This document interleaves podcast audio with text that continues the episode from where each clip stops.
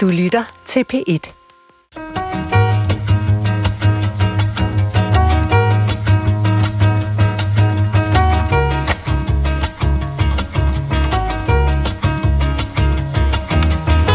Har du tænkt dig at gøre noget lignende for os at vise sympati over for den palæstinensiske civilbefolkning? Det, at en dansk journalist stiller spørgsmål, er for mig dybt bekymrende, vil jeg gerne sige, og aldeles historieløst. Ja, som I kan høre, så skal man ikke sige meget om konflikten mellem Hamas og Israel, før man står i et retorisk minefelt, hvor hvert et ord og hver en vending eksploderer op i ansigtet på en med tre kvart århundredes kamp fra begge parters side. Og det sproglige minefelt afsøger vi i dag. For din radiomodtagers magiske grønne øje er stillet ind på det lille område, hvor vi dykker ned i sproget for at se, hvilke hemmeligheder det gemmer på. Og for at sprede lys over betydninger i sproget om den israelsk-palæstinensiske konflikt, har jeg inviteret to specialister og en generalist i studiet. Den første er journalist ved Dagbladet Politikken og har skrevet om Mellemøsten i knap 30 år. Velkommen til dig, Anders Jerkov. Tak skal du have, Adrian. Anders, hvad vil du sige er det mest ekstreme eksempel, du har på, at dit sprog omkring konflikt mellem Israel og palæstinenser bliver angrebet? Nu ved man ikke altid, om det er sproget, eller det er det, der bliver øh, forstået eller troet, at man mente. Øh, men det mest ekstreme, jeg selv har oplevet, det var en trussel om at brænde mit hus ned. Okay. Det, det var alligevel ret voldsomt, kan man sige. Det er kun det mest. Ja, det synes jeg. Ja, det, det Siden har jeg fået rigtig mange mails og kommentarer, men øh, ingen så voldsomme som truslen om at brænde huset ned. Hold da op. Min anden gæst er professor og mellemøstforsker ved Roskilde Universitetscenter. Også velkommen til dig, Sune Havbølle. Tak, tak. Sune Havbølle, du har jo for nylig i en kronik øh, forklaret offentligheden, hvordan du de sidste fem år har arbejdet med at forstå, hvordan Palæstinas solidaritet opstod globalt, og hvordan den udviklede sig. Og det har forskellige borgerlige debattører opfattet sådan, at, at de synes, at du holder mere med palæstinenserne, end du gør med israelerne i den her konflikt. Gør du det? Jeg synes slet ikke, vi skal ind i de her forenklede kategorier med at være pro-palæstinensisk og pro-israelsk. I virkeligheden findes der mange forskellige holdninger på begge sider. Der findes øh, israelere, som er meget bekymrede over besættelsen. Der findes palæstinenser, som ønsker hele Israel udslettet. Der findes palæstinenser, som er en langt mere blød kategori, og os som forskere skal prøve at forstå det og skal prøve at formidle det, og det er det, jeg prøver efter bedste beskub.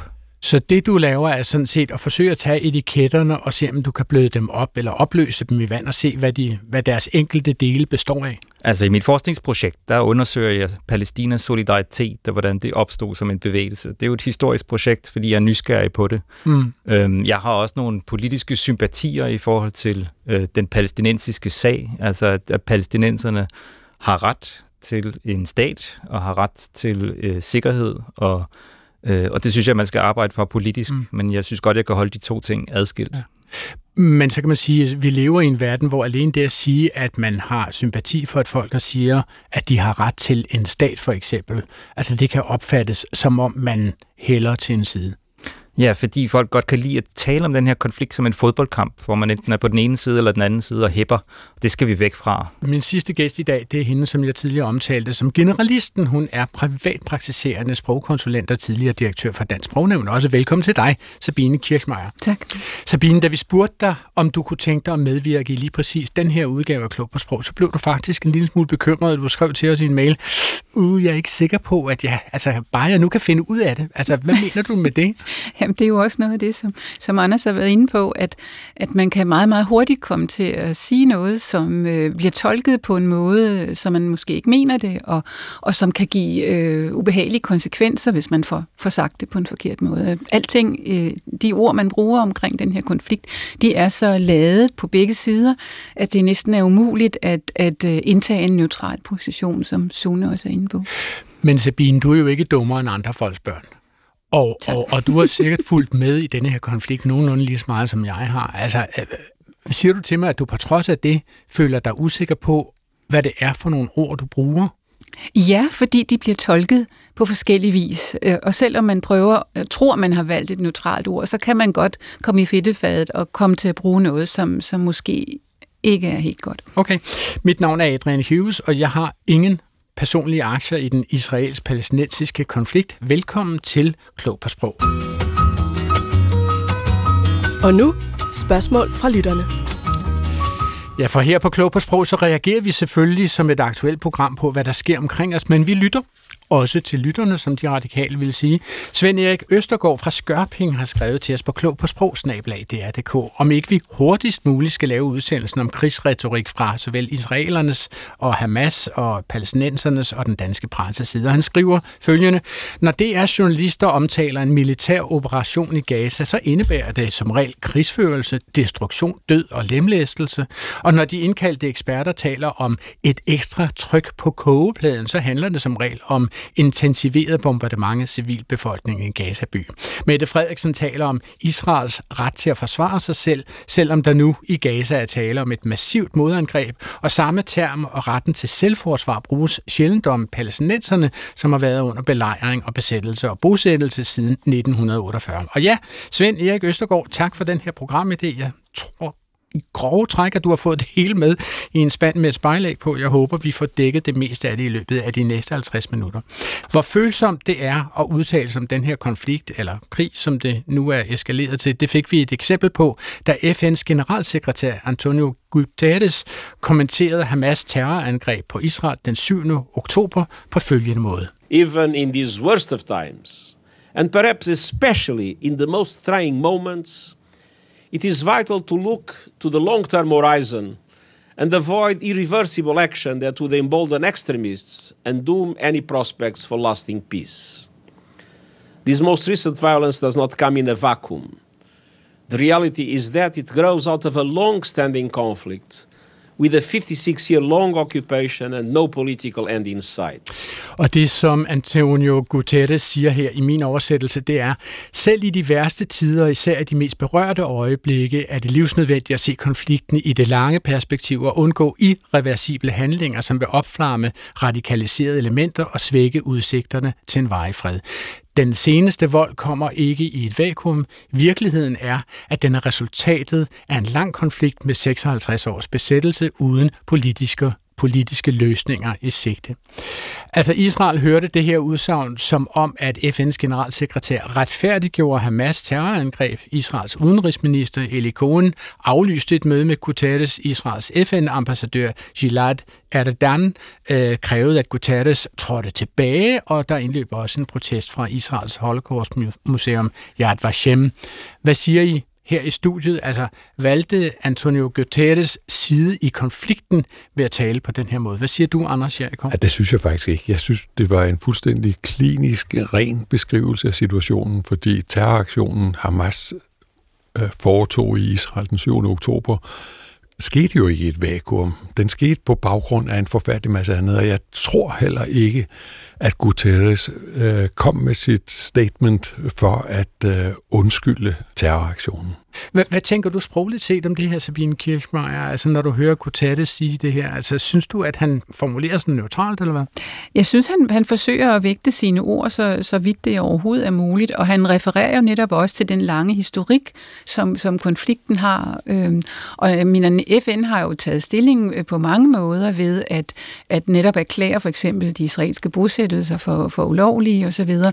så FN har jo egentlig en, en klar position, men, men der er det jo også sådan, at FN FN består af, af mange lande øh, og, og mange stemmer, og det er jo ikke alle, der har stemt for den resolution, og, og det vil sige, her det er nærmest sådan en form for afstemning om, hvem der har ret eller ikke har ret. Ikke? Mm. Og det, det, er jo, det er jo det, der viser, hvor, hvor uklart det egentlig er, hvor, hvordan tingene hænger sammen. Sune Havbøl, altså du er jo selv blevet angrebet af Liberal Alliances øh, Henrik Dahl og også af Jyllandspostens øh, chefredaktør Marken Niel Gertsen, og sidstnævnte har beskyldt dig for at relativere Hamas terrorangreb ved at sidestille Hamas øh, terrorangreb med Israels metoder. Synes du selv, at du har relativeret Hamas terrorangreb? Altså, jeg har brugt mange kræfter i medierne, blandt andet i en helt times program her på B1, på at forklare Hamas, og på at give kontekst på, hvordan de opstod som bevægelse osv. Det skal vi jo gøre. Vi skal også forstå vores fjender, vi skal også forstå alle aktører her og sådan noget. Jeg tror, det der blev henvist til, det var et interview i Berlinske, hvor jeg snakkede om, at folk dør på begge sider, øh, og hvis du er forældre til et barn, så gør det ikke en stor forskel, om man er død i noget, som man kalder et terrorangreb, eller om man dør af en bombe fra himlen pludselig, som rammer ned i ens bolig. Der er, der er dræbte på begge sider. Selvfølgelig er der en, øh, en, en lovlig, en juridisk forskel på, på et terrorangreb og på, øh, på, på bomber, men altså fra et humanistisk perspektiv, der, der er død død. Men Sabine Kirchmeier, jeg kunne godt tænke mig lige at dvæle ved ordet at relativere. Mm. Jeg har sådan set svært ved at forestille mig eller forstå, hvordan det overhovedet kan være negativt at relativere noget. At sætte noget i relation til noget andet er vel at forklare, hvorfor det foregår, eller hvad? Ja, men det er fuldstændig rigtigt. Altså, relativere siger bare, at jeg har en ting her, og, og i forhold til den, så er, sker der noget andet med den anden ting. Ikke? Altså, det, det er i virkeligheden ret neutralt, men, men øh, når man kigger på sprogbrugen, så bliver det også brugt som en form for, øh, jamen, man prøver at undskylde noget, eller bortforklare noget, osv. Så, videre. så, så der er, man, i den konkrete sprogbrug kan man se det. Det står ikke nogen steder i ordbogen, men når man ser sprogbrugen, så bliver ordet relativere også brugt på den måde. Så Anders Jerichov har har, du i din dækning i politikken, har du gjort dig samtidig skyldig i det, som vi nu forstår er relativering af øh, en forbrydelse? Mm, det er jeg helt sikker på, at nogle af, af vores læsere vil mene. Det er noget, vi konstant arbejder med at prøve at undgå. Mm. Øh, men det er jo et klassisk eksempel, det her med, øh, hvordan man skal sætte ord på palæstinensiske voldshandlinger og ord på israelske voldshandlinger. Der er meget, meget øh, store følelser involveret i valget af ord. Og, Men og det starter siger... jo også med frihedskæmper eller terrorist, mm. som i overvis har været omdiskuteret.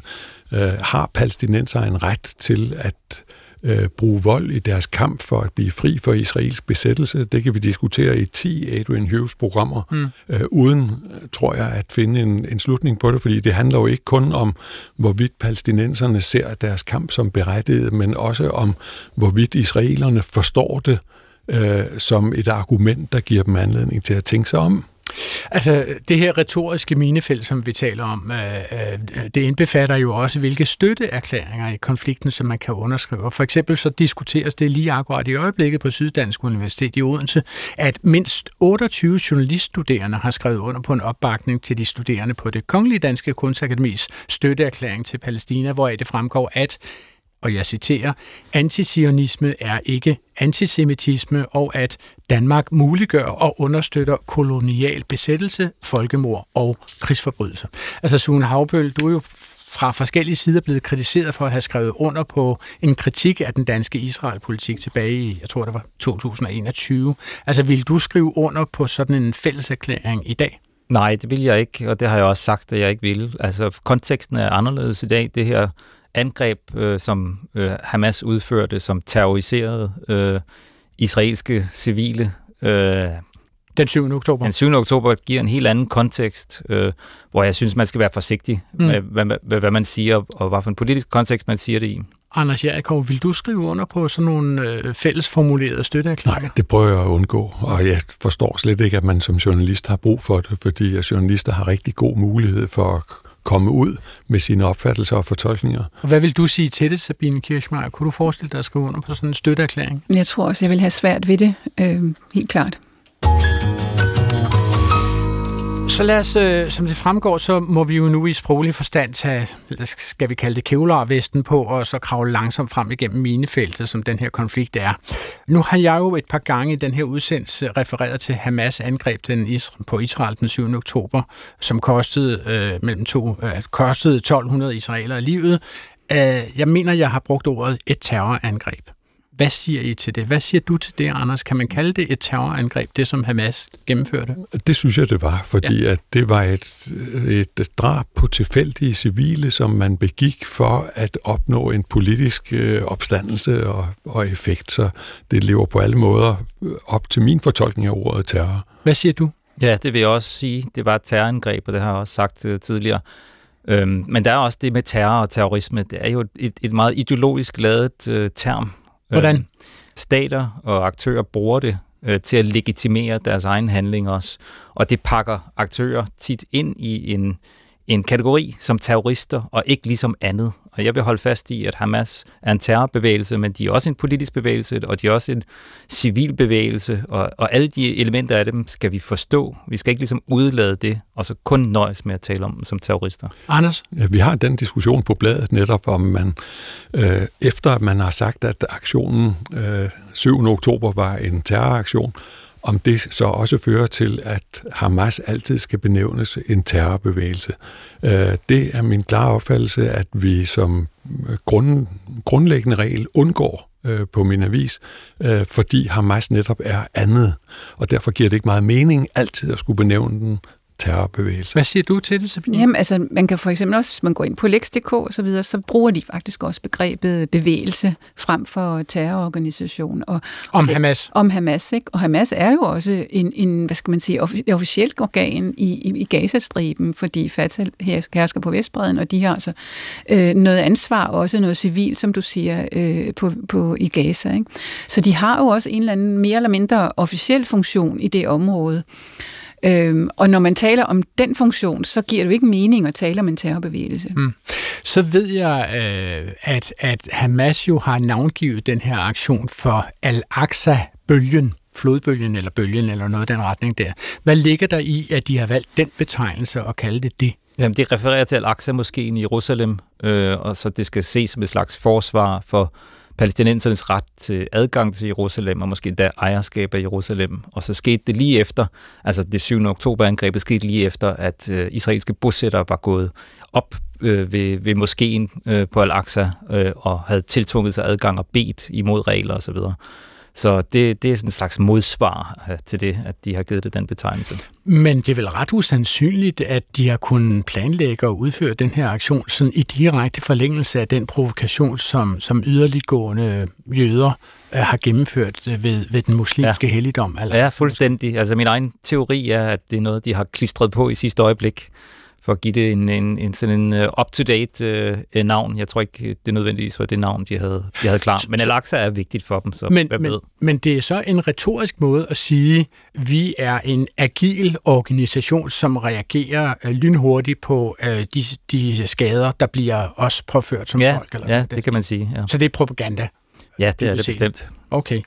Det næste ord, jeg godt kunne tænke mig at tage op med jer, det er, at i flere israelske medier af, af forskellige lødigheder og relevans, der har jeg set det her angreb beskrevet som et progrom. Jeg ved faktisk ikke engang, om det hedder en progrom eller et progrom. Lad os lige tage ordet progrom først, for dem, som ikke ved, hvad det betyder. Hvad er det, det er, Sabine Kirchmar? Altså, pogrom på, er et russisk ord, og det betyder ødelæggelse, destruktion det refererer jo til, til nogle af de udryddelser, der fandt sted øh, i, i Rusland og Polen især imod jøderne. Okay, så når man siger ordet pogrom, så handler det altid om jøder. I vores, i vores tid handler det altid om jøder.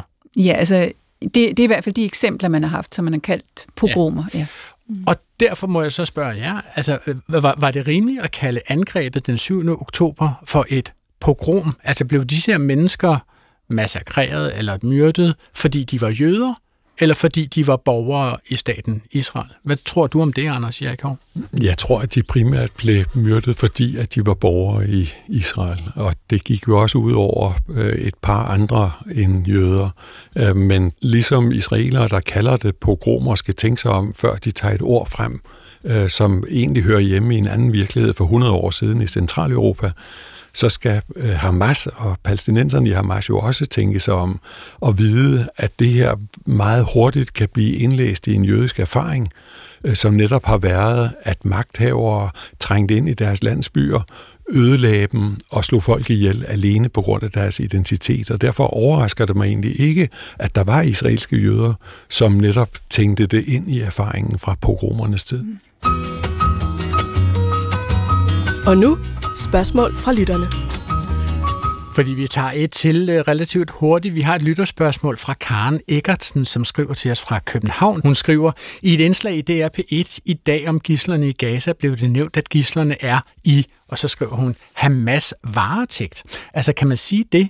For mig er varetægt positivt, altså man tager vare på et andet menneske, og det er vel næppe Hamas primære formål med gisseltagning af disse mennesker. Hvad ligger der i ordet varetægt, Sabine Kirchmeier? Ja, det er rigtigt nok, som hun oplever det, at det kommer af at tage vare på, og det betyder altså, at man er underlagt nogens beskyttelse, tilsyn eller omsorg, som det står i ordbøgerne. Øh, så man kan bestemme over en, men vedkommende er også underlagt en, og man har ansvar ansvaret for vedkommende, skal sørge for, at, at vedkommende ikke lider overlast osv. Men så har vi jo også et udtryk som, at man er i politiets varetægt, og man, man er i varetægtsfængsel. Og der, øh, der får det jo sådan lidt mere negativ klang. Øh, og selvfølgelig skal politiet stadigvæk sørge for, at man ikke kommer til skade, når man er i deres varetægt, eller man er i en stats varetægt. Øh, så, men, men det lyder stadigvæk negativt. Øh, og i forhold til, til gislerne, så vil jeg sige, så er varetægt nok ikke sådan helt sikkert valg, fordi det det, det er jo ikke sikkert, at der bliver taget godt hånd om dem. Øh, det kan man håbe på, men, men, men det kan man ikke være sikker på. Så øh, man burde måske have sagt, at gislerne er Hamas fanger, eller de er Hamas vold, eller gislerne holdes tilbage af Hamas. De er frihedsberøvet. Ja, men altså, jeg har set det flere steder, også i aviserne brugt øh, varetægt, men så med anførselstegn, for ja. ligesom journalisten skulle vise, at han godt vidste, at det var ikke det helt rigtige udtryk. Er det et ord, I har haft op at vende på mm, jeres redaktion? Nej, og jeg ved ikke, om vi har anvendt det heller. Jeg synes, det er et forkert ord, mm. simpelthen, fordi der er jo tale om fangenskab ja. og frihedsberøvelse. Det var altså svar til Karen Eggertsen fra København, og vi har et spørgsmål til, som handler om at betegne en organisation for terrororganisation. Det kommer fra Arne Kolsum, som også skriver fra København. Han skriver, i forbindelse med Hamas angreb på Israel bemærker jeg, at Hamas oftest, oftest omtales som terrororganisation Hamas, og at Israel kun omtales som Israel, og ikke som den besættelsesmagt den reelt er. Jeg undrer mig, da de fleste journalister stræber efter at være neutrale og objektive, og her bliver den ene af krigens parter omtalt med et meget negativt ladet ord, terrororganisation, mens den anden part kun omtales med sit navn Israel. Og vi har jo været inde på at, at tale om Hamas som en terrororganisation. Lad os så tale om Israel som en besættelsesmagt. Kunne man forestille sig, at, at i, i politikken, Anders Jerikov, øh, konsekvent omtalte Israel som besættelsesmagten Israel? Altså, det gør vi meget, meget hyppigt i vores beskrivelse af udviklingen på Vestbreden, så derfor synes jeg, at præmissen for spørgsmålet simpelthen er forkert. Okay. Fordi besættelsesmagt er et anerkendt og anvendt ord øh, om Israels administration på Vestbreden. Og hvad vil du sige til det, Sune Havbøl? Vil, vil du også bruge ordet øh, besættelsesmagt om Israel? Ja, det vil jeg. Men man kan også vælge andre. Det er jo ikke, fordi man nødvendigvis altid skal bruge det til at be- beskrive Israel, men de er besættelsesmagt. Det er jo faktuelt rigtigt. Så du synes, det er, der ligger en objektiv sandhed i det? Ja, det er ikke synes, det er en objektiv sandhed. Nej, ja. For en gang skyld. Ja. Der fik jeg sagt synes, ikke? Ja, ja, må man ikke. Bip, det klipper vi ud i genudsendelsen ved at tro. Nej, nej, det er fair nok. Hvad siger du til det, Sabine Kirchmeier? Jamen, jeg er fuldstændig enig. Altså, igen, jeg, jeg henholder mig gerne også til, til FN's øh, resolutioner og så videre, ikke? og de har jo også kaldt den her besættelse af, af Vestbreden for eksempel for en ulovlig besættelse, så det er en besættelsesmagt. Okay. Nu har vi jo efterhånden slået rimelig hårdt fast, at det er et svært emne at tale om det her. Det oplevede Isam B. Øh, også, da han var i P1-debatten 27. oktober, hvor han direkte bliver spurgt, om han mener, at Hamas er en terrororganisation. Vi glemmer helt, at der er en besættelsesmagt, som slår folk ihjel hver dag. Slår palæstinenser ihjel hver dag. Hver dag. Men det er vel det, vi taler om, når vi diskuterer, om krigens lov bliver overholdt øh, i den Jamen, her der konflikt? vil jo selvfølgelig være en modstandskamp på den ene eller den anden måde. Så kan du kalde den terrorist eller, hvad- eller gurlig gris. Eller, der er ikke nogen mennesker, der finder sig i det der. Hvad kalder Og du har- Hamas? Jamen, jeg, jeg mener selvfølgelig, jeg fordømmer drab på civile. Er det en terrororganisation, Hamas? Det er, det er et spørgsmål om perspektivering. Hvor- Hvordan ser du det? Jeg øh, fordømmer drab på civile. Mm. Altså, Ja. og, øh, og vil selvfølgelig ønske, uh, at, øh, at, vi, at vi ikke så det. Men hey, nu siger jeg det igen. Altså, Israel begår statsterror. Ja, altså lad os kigge på det sådan rent retorisk, det som Isam B. er ude i her. Altså, øh, Sune Havbøle, hvor- hvordan synes du, at han slipper afsted med at tale sig udenom ikke at omtale Hamas som en terrororganisation? Altså, han har jo en pointe, som han forsvarer med næb og klør, men det lyder jo lidt som om, han ikke rigtig vil svare på spørgsmålet, kan man sige. Og det tror jeg, det er fordi, at det er øh, meget svært for dansk palæstinenser at bare tage afstand fra Hamas. De føler, det er det, de bliver tvunget til, og så ligesom gå med på en almindelig retorik. De har en anden forståelse af konflikten, hvor øh, Israels øh, mangeårige besættelse og ydmygelse af palæstinenser, især på Vestbreden, er den primære kontekst, og angrebet, som Hamas lancerede, øh, øh, var selvfølgelig terroriserende over for, for civile, men det er ikke det, de synes, der skal nævnes først. Hmm. Det er den lange kontekst, og derfor kan de faktisk blive set som en slags forrædere, hvis de stiller sig op og siger, ja, øh, Hamas er terrorister. Sabine Kirchmeier, hvad synes du om, at Isam B. lige pludselig hiver det her ord øh, statsterror øh, ned fra hylderne?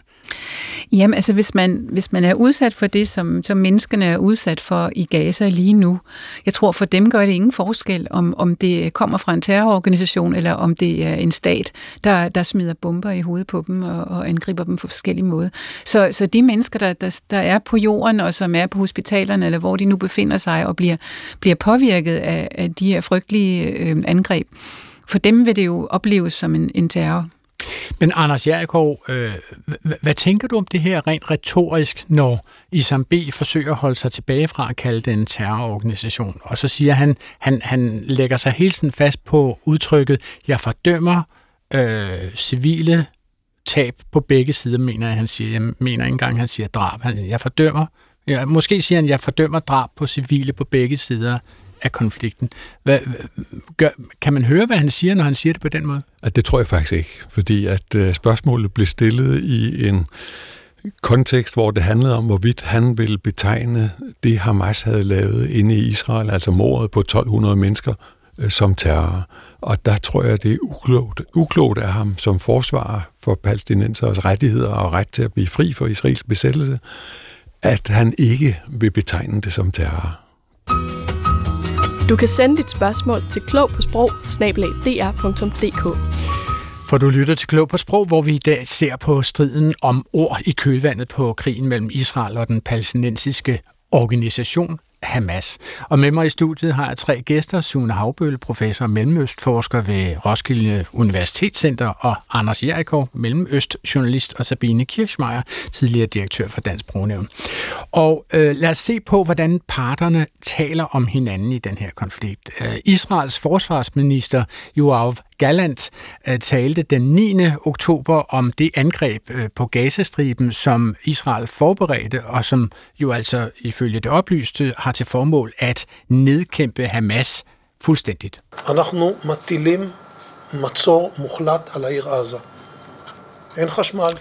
Og det, som han siger her, det er, at vi udsætter Gaza for totalomfattende belejring. Der bliver ingen elektricitet, ingen mad, intet vand, intet brændstof, alt vil lukkes ned. Vi bekæmper her menneskelige dyr, og vi handler derefter. Sabine Kirschmeier, altså, øh, jeg, jeg tror, at de fleste af os kan forstå, at Joao Galland her er, er hvidglødende øh, rasende efter at have set billederne af de der bestialske myrderier, som blev live-transmitteret på sociale medier af Hamas-kombatanter. Øh, altså, hvad opnår Joao Galland ved at henvise til dem som human animals, siger han til sidst på engelske klippet. Altså han omtaler dem altså som dyr.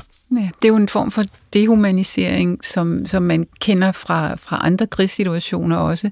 Altså, modstanderen skal helst gøres til noget, som man ikke skal have medfølelse med, og som det er legitimt at angribe og, og, og nedslagte, som, som i det her tilfælde. Nu siger du andre krigssituationer. Ja, altså for eksempel også i, i mellem Ukraine og, og, og Rusland har der også været meget hårde ord, men man har det også med andre modstandere, som man gerne vil undertrykke. Altså man har også haft det i forhold til jøderne, som blev betegnet for rotter, for eksempel af nazisterne, for at, at legitimere, at det var i orden at, at dræbe så mange. Så, så, øh, så det er sådan et, et forsøg på at, at, øh, at skal man sige, gøre soldaterne og også befolkningen sådan i stand til ikke at have for stor medfølelse med, med det, der kommer til at ske, øh, ved ligesom at, at umenneskeliggøre eller ikke menneskeliggøre øh, modstanderen? Altså, jeg tror, det var sådan, at i Ukraine, så mm. øh, omtalte øh, præsidenten øh, konsekvent russerne som orker. Altså mm. simpelthen som om, ja. de deltog i et videospil, og det var bare nogen, man skulle splatte med den ja. øh, maskinkanon, man sad med i sin controller. Ja, og de skriver Putin konsekvent med lille og sådan nogle ting. Ja. Nå, okay. Nogle mm-hmm. Anders Jerikov, hvad, hvad tænker du om, at, at, at uh, Joao Galland bruger ordet human animals i den her sammenhæng? Ekstremt uklogt, for det er jo et forsøg på at dehumanisere og, mm. og gøre det, øh, det mere legitimt at slå dem ned. Altså, hvorfor, hvorfor er det decideret uklart? Jeg vil da tro, at man bliver vel ikke udenrigsminister i, i Israel, uden at have en vis intelligens. Altså, øh, han, han må da, ligesom Sune Havbøl, han må da have følt, at han havde en målgruppe for at lytte til dette budskab. Ja, det er jo helt klart hans soldater, men også den israelske offentlighed. Jeg tror måske, at hvis han hører det igen, og det har han jo nok gjort og blev konfronteret med det, kan han godt se, at det var over stregen. Altså, det er jo en slags opfordring til, til, til massemord. Spørgsmålet er, om det er Hamas, eller om det er palæstinenser på, Vest, på undskyld, i Gazastriben, eller palæstinenser generelt. Og det er jo nok Hamas, der er tiltænkt selvfølgelig, men, men det er stadigvæk en dehumanisering, som, som er farlig, fordi den, øh, den skrider over i en slags øh, opfordring til, til, til massemord og til desentivering af, af, af, en, af, en, israelsk offentlighed over for palæstinensiske drab, og det har vi desværre også set. Altså, og, og, og hvad siger du af desentivisering? Ja. Hvad siger du, det betyder? Altså, at man ikke har følelser, at man netop øh, betragter modstanderen som, som dyr, som kan slagtes. Øh, og det har vi også set øh, eksempler på tidligere i israelsk historie, hvor herledere har talt om araber som kakelakker og den slags. Okay. Det, det er der desværre en, en kedelig tradition for. Ja, altså nu er der jo ingen af de to parter her, som retorisk set har noget at lade den anden høre. Øhm, altså samme dag, helt samme dag, som Joao Galland øh, talte om angrebet på Gaza, så udtalte dr. Bassem Naim, som er repræsentant for Hamas, han udtalte sig til britiske Sky News, og han anerkender slet ikke den præmis, at Hamas skulle have dræbt civile i angrebet den 7. oktober, fordi for ham er alle israelere legitime militære mål. We didn't kill any civilians. Israel is just, just sorry to interrupt you, but Israel says more than 700 civilians have been killed. They have been appearing at hospitals, in morgues. The Israeli military have released pictures of some of the 260 bodies at a music festival. Are you really expecting us to believe that you have not killed civilians? No, we don't have killed any civilians. Uh, but I have to say, I have to, tell you as a well-respected journalist, uh, we have also to redefine what does it mean uh, a civilian. I cannot consider a settler in the West, a occupied West Bank, who is stolen my hand, carrying guns, burning the city of Hawara is a civilian. We cannot continue anyone who is sitting around the borders, uh, working on cyber and artificial intelligence to to control and besiege 2.3 million on the biggest open eh, prison as a civilian. Og det, som han siger i mit sammentrængte øh, referat her, det er, vi har ikke dræbt civile, vi må redefinere, hvem der er civile. Jeg betragter ikke bosættere på Vestbreden som civile, når de stjæler vores land og bærer våben og brænder byer ned. Folk, som bor omkring grænser og arbejder med cybervåben, og kunstig intelligens for at kontrollere verdens største åbne fængsel er ikke civile, og med det åbne fængsel mener han formentlig Gaza. Altså, øh, Anders Jerigaard, hvad siger du til den her definition af samtlige Israels borgere som kombatanter for den israelske sag, og dermed legitime militærmål? At det opfatter jeg simpelthen som øh, forkert, og som øh, en politisk meget, meget uklog øh, udmelding, fordi han finder en masse mennesker i Israel, formentlig halvdelen af israelerne, som ønsker, at Israel skal prøve at komme ud af sin besættelsesmagt over palæstinenserne. Så at betragte dem alle øh, som fjender og, og besætter, og jeg ved ikke, hvad han finder på, det tror jeg simpelthen ikke er, er klogt, fordi Ja, jeg vil gerne lige knytte den bemærkning til, at det har været meget ulykkeligt for øh, nogle palæstinensiske organisationer, som netop har forsøgt at gøre alle israelere til legitime mål. Øh, det har svækket deres sag i ufattelig grad i forhold til, hvordan de havde stået, hvis de havde sagt, vi går ikke efter nogen civile. De eneste, vi opfatter som øh, mål for vores frihedskamp, det er de soldater, der holder vores områder besat. Hmm. Jeg tror, at de havde haft en helt anderledes forståelse, hvis de på den måde havde gjort forskel på israelske civile og israelske militære. Sune Havbøl, ja. hvad, hvad tror du om det her? Har, har denne her talsmand fra Hamas i virkeligheden sådan retorisk set uh, skudt uh, sig selv og sin organisation i foden, eller hvad? Politisk helt klart, altså retorisk og ideologisk, der er det der, hvor Hamas ligger. Altså han er ærlig det, det er sådan, de ser på, på israelske øh, borgere. Det er øh, fair game, og vi har også set øh, selvmordsbomber i 90'erne, som, øh, som fulgte den samme logik. Og Så... Anders har fuldstændig ret. Det underminerer jo den, den palæstinensiske sag, og det, det er også en invitation til en israelsk højre orienteret regering, øh, til at komme ind og lave det her angreb. Man kunne nemt have forudset det. Så der er jo også mange, der mener, at det var en del af Hamas' strategi. De vil have kampen, de vil have israelerne ind, og de vil have øh, i virkeligheden også civile dræbte, fordi det, det vender verden mod Israel. Så det er en, en meget kalkuleret måde både at tale på og agere på, sådan som jeg ser det. Men når du siger kalkuleret, så lyder det som om, at der sådan set er et rationale bag det, som Hamas har gjort. Og, og, og hvordan skulle det kunne gavne den øh, palæstinensiske sag, hvis det er det, de vil, at, at øh, Israel får, får, øh, bliver, bliver lokket til at lave et meget voldsomt angreb på Gaza, eller hvad? Er det, ja. sådan, det hænger sammen? Jeg mener jo ikke, det, det hjælper den, den palæstinensiske sag, men ideen er, at, øh, at trænge Israel ind i en konfrontation, hvor de kommer til at agere øh, som øh, voldsmænd og, og aggressorer osv. Men, men udover det også at kommunikere kan man sige, til palæstinenserne og til den arabiske offentlighed, at Hamas er i stand til at, øh, at gøre noget ved sagen, modsat Fatah på, på Vestbreden. Så det er jo, det er jo en del, i, øh, del af at i talesætte det på den her måde, at, øh, at man ser hele Israels eksistens og alle israelere som en del af problemet. Mm. Øhm, så de der, der, og der er jo ikke nogen politisk fremtid i det. Altså det, det, det fører jo til, til krig og konflikt, øh, og det er den måde, de fremstiller det på.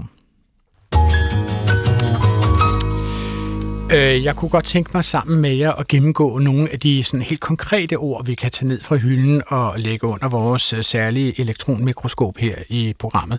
Helt ned til geografiske betegnelser kan der jo være forskel på, hvad forskellige mennesker kalder de forskellige områder. Vestbredden er det område, som ligger vest for Jordanfloden, og som Israel erobrede fra Jordan ved seksdageskrigen i 1967, og som landet sidenhen har holdt besat. Det er ikke mig, der siger det, det er FN, som siger det.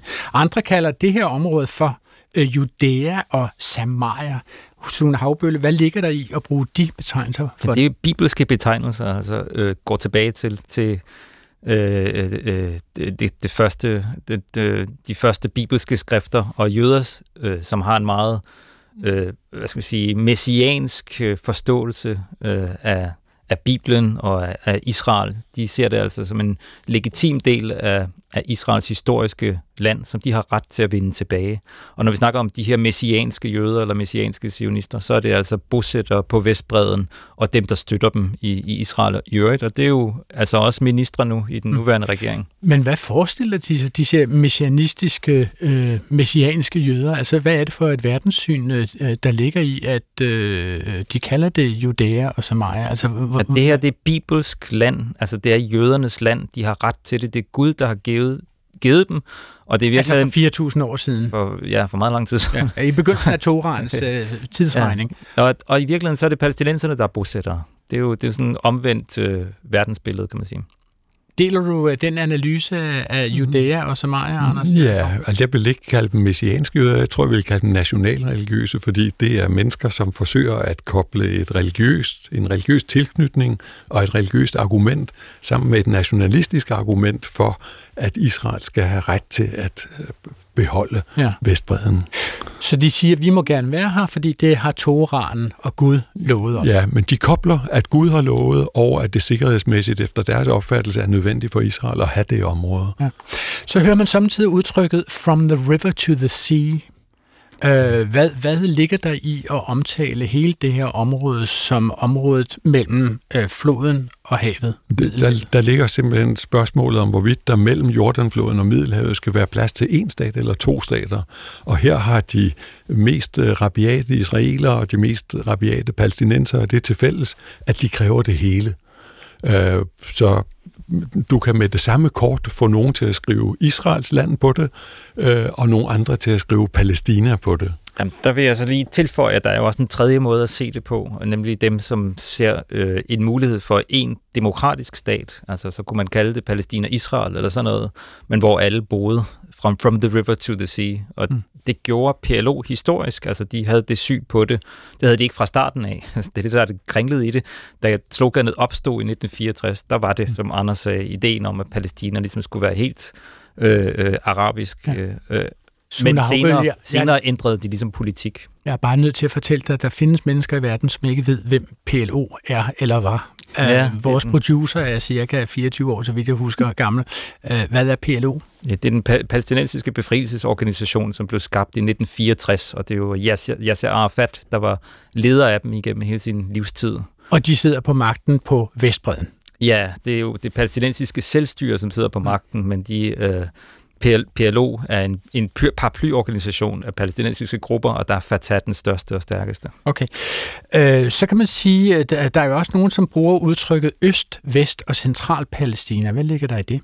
Ja, det er ikke et udtryk, jeg hører så tit, men Nå. det er idé, ideen om, at det er delt op. Øh, jeg tror, det kan være Anders eller øh, andre. Hvad vil du sige? Jeg vil sige, at det er dukket op som modeord at kalde Vestbreden for Østpalæstina, og det bruges af mennesker, som ønsker, at hele området mellem Jordanfloden og Middelhavet skal være et Palæstina, og at Vestbreden i det spil er det østlige Palæstina, øh, det der nu er Israel, i virkeligheden er det centrale Palæstina, og Gaza er Vestpalæstina. Så hvis man siger ordet Østpalæstina, har man også sagt, jeg tror på et helt Palæstina, som omfatter hele... Hele området, og ja. at Israel ikke eksisterer. Nej, okay. Men det er et relativt nyt ord. Det bruges ikke særlig mange steder. Nej. Så er der jo selve ordet palæstinenser. Hvornår begyndte man overhovedet at omtale mennesker, som boede på det her øh, landområde, som palæstinenser? Ja, det er der nogle historikere, der mener, man gjorde for 4.000 år siden. Altså det er en oldtidsbetegnelse, som vi både finder i egyptiske kilder og, øh, og, og andre øh, af de øh, folk, der boede der senere i, i perioden også. Vi ved, det er en romersk betegnelse også. Øh, og det, at, øh, at det er en betegnelse, vi finder i Bibelen, om the, the Philistines, som, øh, som et oprindeligt folk, som boede omkring Gaza, nord og syd for Gaza faktisk øh, oprindeligt. Så hvis romerne har brugt udtrykket palæstinenser, så har det jo per definition været jøder dengang. Altså fordi øh, islam var slet ikke opfundet endnu. Ja, og man kan også godt øh, tale om området, hele området som Palæstina, og jøder og palæstinenser som palæstinenser. Øhm, og det er jo netop tilbage til den der idé om muligheden for én stat. Ja. Men den går ret meget imod virkeligheden, som vi ser den lige nu. Altså, der er en jødisk stat, og det ja. er virkelighed, og den er blevet skabt i en kontekst efter 2. verdenskrig og holocaust og så videre, så man kan, man kan ikke ønske sig tilbage til den nej. der idé. Det, det er it's not gonna happen. Nej, det er uansvært at stille tilbage ja. på den måde. Okay. Her på øh, Klog på Sprog, så kan vi jo godt lide at slå ned på enkelte ord, som rummer en overraskelse. I 2014 skulle den nu afdøde danske digter Yahya Hassan have holdt en tale på Rådhuspladsen, hvor hans tilstedeværelse ved en demonstration blev aflyst desværre grundet hensynet til hans sikkerhed. Og i stedet så holdt han så den tale i DR2's Deadline, hvor han blandt andet sagde følgende. Sionismen opstod som en konsekvens af forfølgelse, nu har sionisterne glemt deres bevæggrund. Jøder immigrerer til bosættelser, og palæstinenser deporteres til flygtningelejre. Besættelsen dehumaniserer palæstinenserne, men også israelerne selv. Når vi taler om begrebet antisemitisme, gør det sig kun gældende, når jøder diskrimineres, forfølges og myrdes. Men når palæstinensere udsættes for det samme, så er det åbenbart ikke antisemitisme, selvom palæstinenserne også er et semitisk folk. Altså når jeg hører ordet semit, så tænker jeg jo jøde, og ligesom antisemitisme for mig betegner jødehad. Altså hvad betyder egentlig semit, Sabine Kirchmeier? Jamen det går tilbage også til, til Bibelen og Moses og Sem, øh, som, som var en figur på det tidspunkt, hans Noras søn, tror jeg han var. Men øh, det går tilbage som til sådan et fælles folk, og det sprog, som, som tales, som hedder semitisk, er jo faktisk, altså det, det, skal man sige, det oprindelige sprog, det, det, det delte sig jo i mange forskellige lag, så øh, både øh, hebraisk, som, som, som jøderne taler, og så, øh, eller israelerne taler, og så også øh, arabisk, går jo tilbage til den samme sprogstamme så at sige. Så der, der har været et fællesskab. Det har været ligesom de samme, øh, den samme folkegruppe, det samme folkeslag oprindeligt, men så har det så delt sig i historiens løb. Men hvornår er det så sket, at, at antisemitisme er blevet til et ord, som i vores tid udelukkende omtaler had mod jøder? Det tror jeg er sket i slutningen af 1800-tallet, hvor øh, Bernhard Marx blandt andet skrev om jøderne. Der har jo været sådan nogle myter om, om, om jøder gennem tiderne, og der har været jødeforfølgelser igennem mange, mange århundreder. Og, øh, og der i slutningen af 1800-tallet, der, øh, der begyndte man at, at bruge ordet.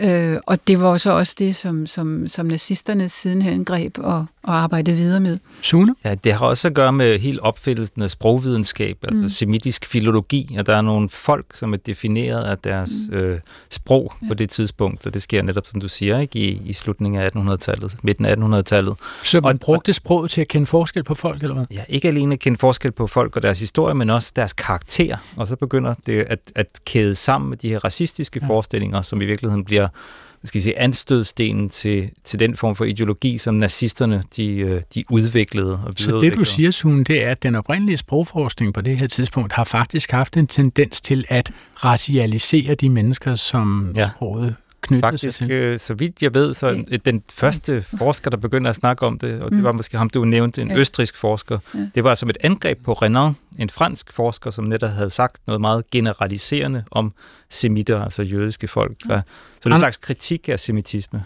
Anders? Ja, et par ting. Øh, Udover at jeg savner jeg Hassan, han var et spændende menneske. Ja. Men øh, jeg synes, det er jo selvfølgelig noget sniksnak at begynde at tale om, øh, at antisemitisme også handler om andre end jøder. Fordi betydningen af antisemitisme de sidste 140 år har været had til jøder eller ringeagt over for jøder. Øh, og der, findes rigtig mange andre ord, der dækker racisme mod øh, muslimer og kristne og i øvrigt.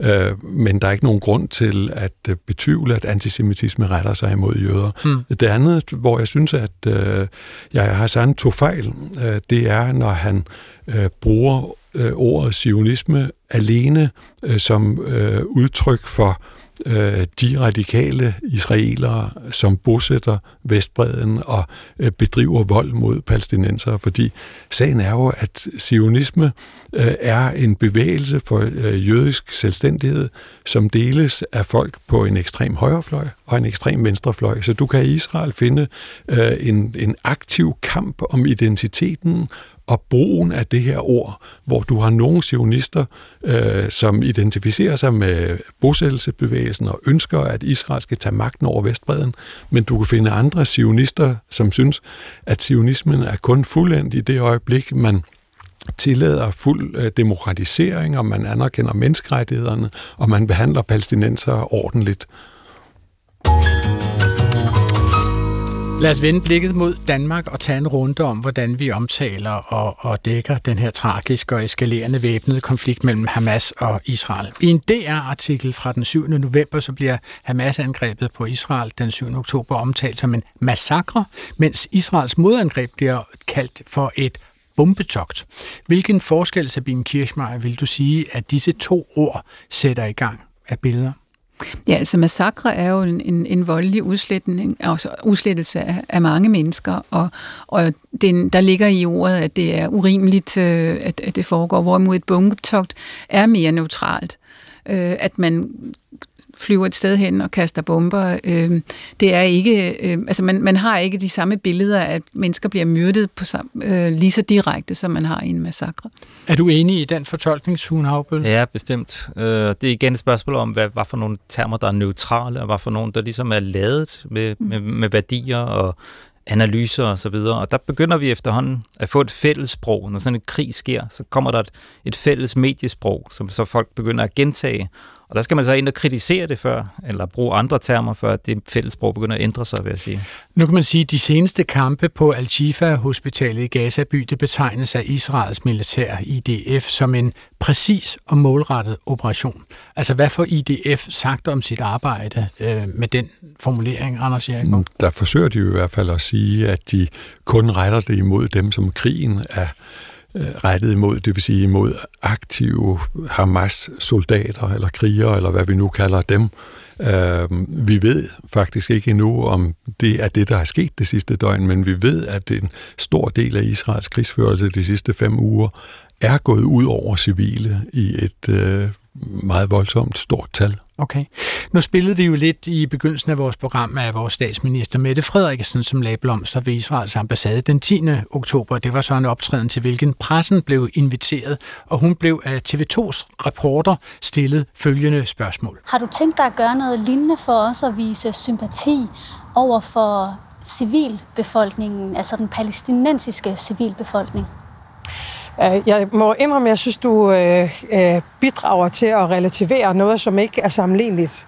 Øhm, det er Hamas, en terrororganisation, der angriber et demokratisk land, Israel.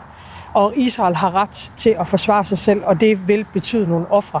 Det tåler ikke nogen sammenligning. Og det, at en dansk journalist stiller spørgsmålet, er for mig dybt bekymrende, vil jeg gerne sige, og aldeles historieløst.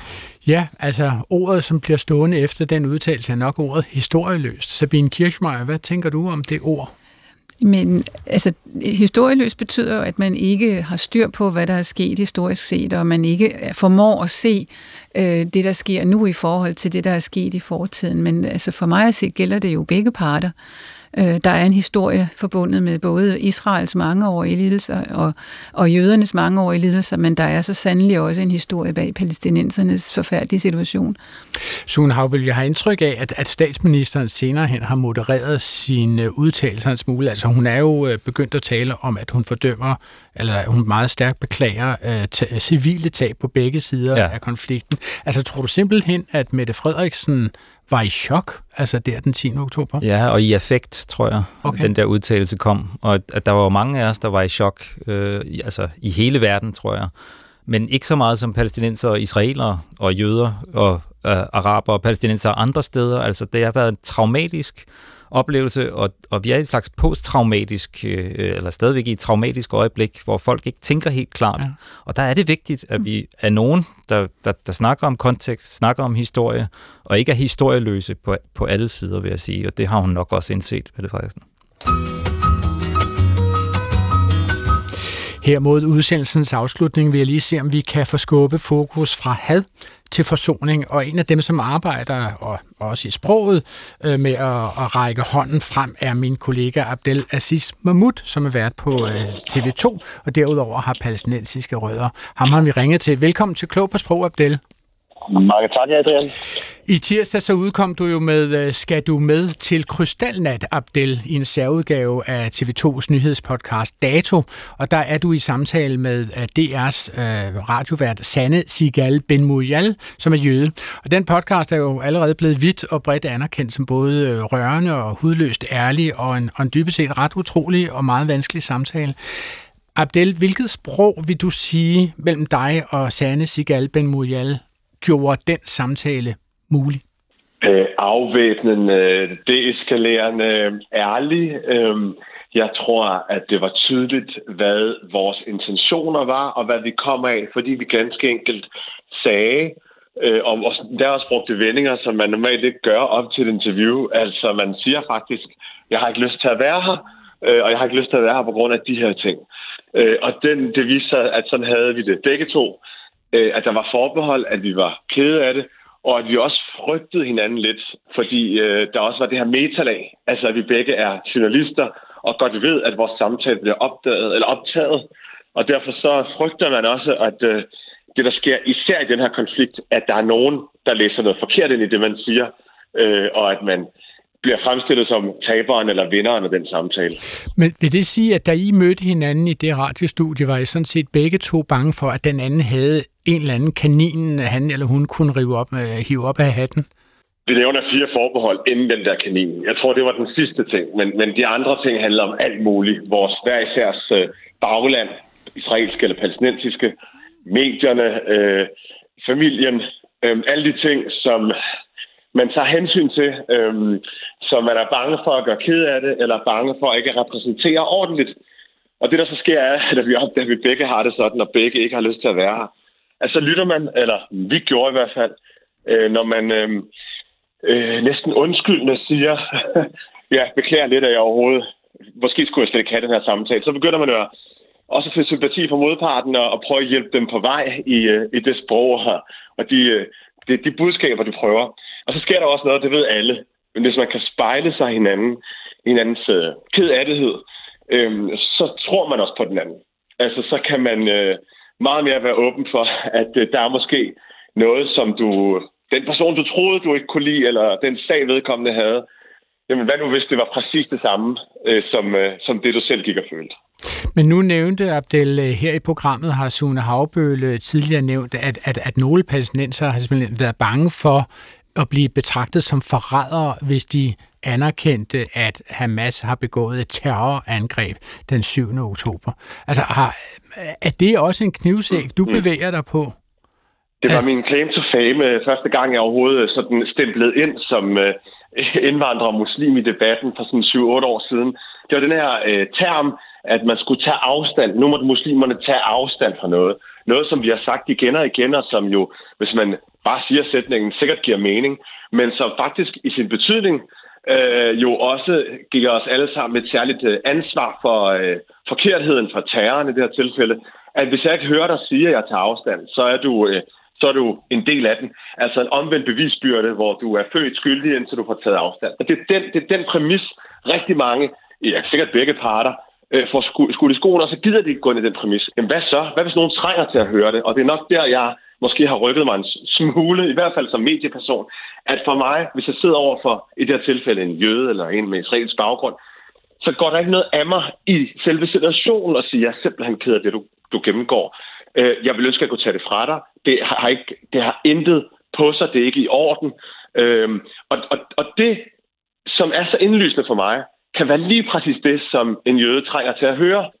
Godt, Abdel. Det er, hvad vi når at tale om, og man kan jo høre hele samtalen mellem dig og Sanne øh, Sigal Ben Moyal i TV2's øh, nyhedspodcast Dato. Tillykke med den fremragende udsendelse, og tak fordi du vil være med i Klog på Sprog i dag. Sabine Kirchmeier, har du et bud på, hvad det er, der har fungeret for, for Abdel og Sanne i den her samtale? Jamen, de har netop forstået at slå bro over den der dehumanisering, se hinanden og ser hinanden som mennesker, ser hinanden i øjnene og, og spejler sig i hinanden og oplever den her empati for den andens lidelse, og det er enormt vigtigt. Sune Havbølle, kan, kan du forestille dig en fremtid i øh, Palæstina, for nu at tage dem alle sammen med under en stor overskrift, hvor de begynder at tale til hinanden som mennesker og ikke dyr? Ja, det kan jeg selvfølgelig godt, og det er der masser, der gør, og der er masser af gode mennesker, der forsøger. Men det kræver selvfølgelig, at også vi begynder at tale om konflikten på en, en reel og realistisk øh, og, og, og tilsvarende måde, der tilsvarer den virkelighed, der findes, og den inkluderer altså også en besættelse. Det bliver vi nødt til at i talesætte. Hvad siger du til det, Anders? Jeg synes, det var meget smukt, hvad Abdel sagde her, og i virkeligheden sagde han det samme, som overrabiner Jair Melchior sagde forleden dag, at man er nødt til at forstå sin modstanders sorg. Og det blev sidste ord i Klog på Sprog her i dag. Tak til mine gæster, Sune Havbølle, professor og mellemøstforsker ved Roskilde Universitetscenter, og til Anders Jerikov, mellemøstjournalist ved Politikken, og til Sabine Kirchmeier, tidligere direktør for Dansk Sprognævn og privat praktiserende sprogkonsulent. Og her til sidst sagde jeg også tak til Abdel Aziz Mahmoud, som var med på telefonen. Den her udsendelse er tilrettelagt af producer Clara med K. Witt og af mig, Adrian Hughes. Send jeres spørgsmål til os på klog på og husk, at I kan give jeres bud på årets ord, som vi kårer den 8. december. Det kan være enten på mail her til klog på eller på Dansk Sprognævns hjemmeside. I lørdag så modtog vi forslaget Palæstina Solidaritet som et bud på årets ord. Det, det kom fra Irene Clausen fra Sydhavnen på genhør næste fredag op til middagsradiovisen. Gå på opdagelse i alle DR's podcast og radioprogrammer. I appen DR Lyd.